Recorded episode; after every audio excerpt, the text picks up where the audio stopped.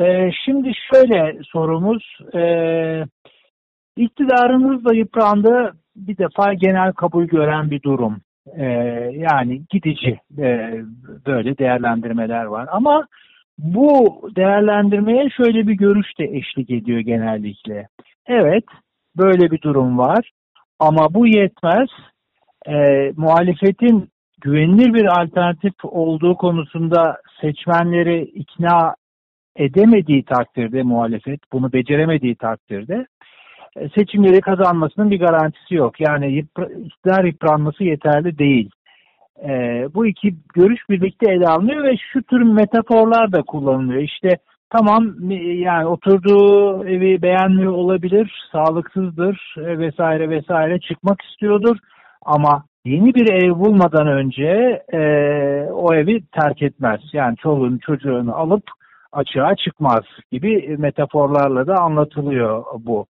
Peki madem öyle bu iki görüşü birleştirdiğimizde muhalefet e, ne yaparsa kendisinin aslında seçmen için yeni ve sağlıklı bir ev olduğu hususunda ikna edici olabilir.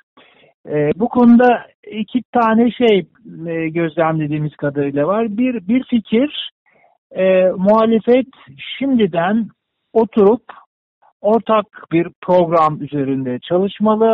İşte anlaştığımız, anlaşmadığımız hususlar şunlardır ve biz birlikte yöneteceğiz iktidara geldiğimizde. Onun için şimdiden başladık bu çalışmaya diyen bir görüş var.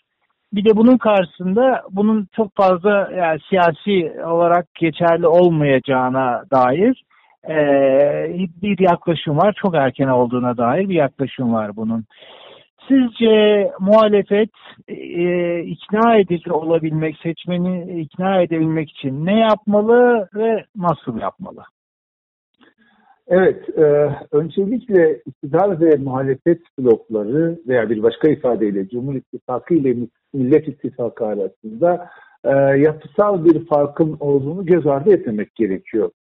E, Cumhur İttifakı'nı oluşturan AK Parti ve MHP hem zihniyet hem de taban olarak birbirine yakın partiler.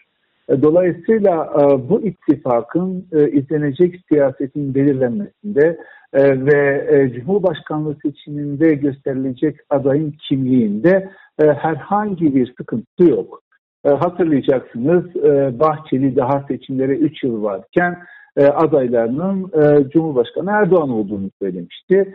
Dolayısıyla Cumhur İttifakı'nın bir bütünlük göstermesini engelleyen herhangi bir hal e, ortada bulunmuyor. E, fakat Millet İttifakı'na geldiğimizde durumun farklı olduğunu teslim etmek lazım. E, partilerin zihniyetleri de, seslendikleri kitleler de, tabanlar da birbirinden belirgin bir şekilde farklılık gösteriyor. E, partilerin yönetimine baktığımızda da e, temel hususları bir kenara bıraktığımızda e, bunun dışındaki politik tercihlerde farklı, farklılaştıklarını görüyoruz.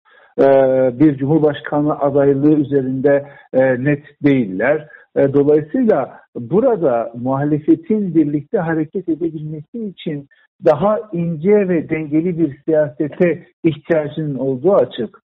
Ee, şimdi muhalefetin e, bugünden sıkı bir blok halinde hareket etmesi, kendilerini bağlayan bir program sunması ve böylece seçmene güven veren bir profil ortaya koyması fikri e, ilk bakışta ikna edici ve cazip bir fikir gibi görünüyor. Fakat burada üç önemli itiraz noktası var. Birincisi e, muhalefetin bugün kemik bir görüntü sunması e, muhalefeti e, daha saldırıya açık bir pozisyona sürükler. İktidarın yaratmaya çalıştığı kutuplaşma ortamı var. Böyle bir muhalefet kimliği e, bu kutuplaşma ortamına daha fazla hizmet eder. Seçimlere daha uzun bir süre varken veya seçimlerin daha ne zaman yapılacağı henüz belirlenmemişken siyaseti keskin bir siyah ve beyaz ayrımına kilitler. İktidar her bir muhalefet partisine ayrı ayrı cevap vermek yerine hepsini tek bir torbaya koyarak hedef alır ve bunun üzerinden çok daha sert bir şekilde e, muhalefeti tepe koyabilir. Dolayısıyla bugün bir e, birleşme, keskin bir birleşme, mutlak bir birleşme muhalefetin daha fazla saldırıya uğraması anlamına gelir. Bu göz ardı edilmemelidir. İkincisi yine e, muhalefetin bugünden bir program üzerinde anlaşması aslında muhalefet partilerini siyasetsizliğe mahkum eder.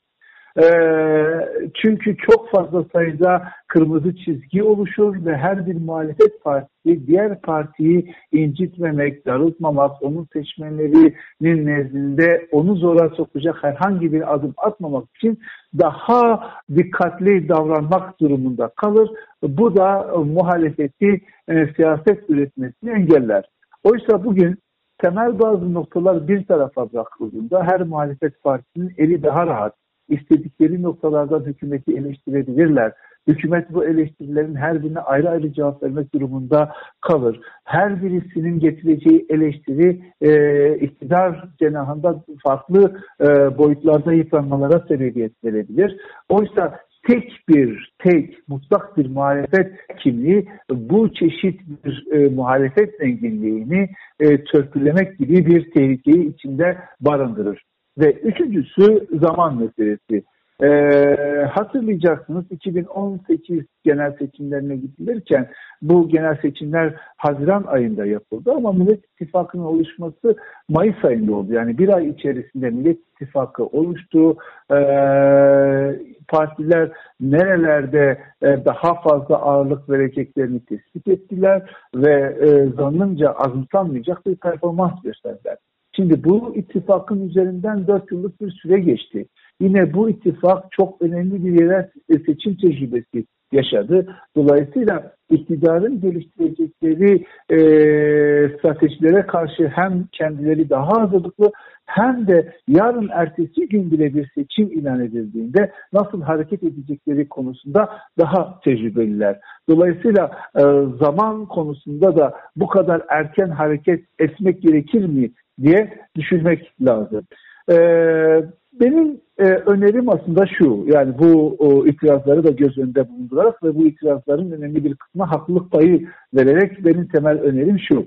E, bir taraftan muhalefetin hem siyaset üretmesi lazım, diğer taraftan da halka e, bu ülkeyi yönetebilirim görüntüsü vermesi gerekiyor. O zaman e, bence üç temel e, işi yerine getirmeli muhalefet. Birincisi temel ilkeler üzerinde uzlaşma. Mesela bugün biz muhalefet partilerin aralarındaki farklılıklara rağmen e, Cumhurbaşkanlığı hükümet sisteminin işlemeyeceği, bunun yerine parlamenter hükümet sistemi, güçlendirilmiş bir parlamenterizmin gelmesi gerektiği noktasında bir mutabakata varlıklarını görebiliyoruz.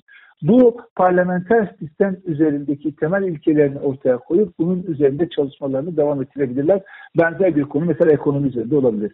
İkincisi partilerin kendi aralarındaki diyaloğu sağlam tutmaları. Yani yarın ertesi gün herhangi bir şekilde bir seçim satımı haline girdiğinde bu e, diyalog sayesinde çok daha hızlı hareket edebilmeleri, temel noktaları daha hızlı belirleyebilmeleri ve böylece bir strateji oluşturabilmeleri ve üçüncüsü de e, yarına sürekli bir şekilde hazırlıkta bulunmaları özellikle ekonomi konusunda. Yani e, muhalefet eğer sadece iktidarın yıpranmasına bağlı bir seçim stratejisi izlerse burada elde ettik, e, elde etmeyi umduğu sonucu almayabilir. Bunun yerine bu bunu nasıl düzelteceğini, örneğin ekonomide halka nasıl bir e, gelecek vaat ettiğini net, somut bir şekilde halkın önüne koymalı ve bunun üzerinden bir siyaset inşa etmeli.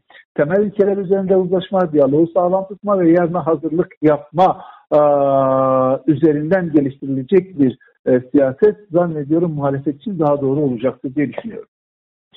Peki çok teşekkürler Vahap Coşkun. Sağ olun.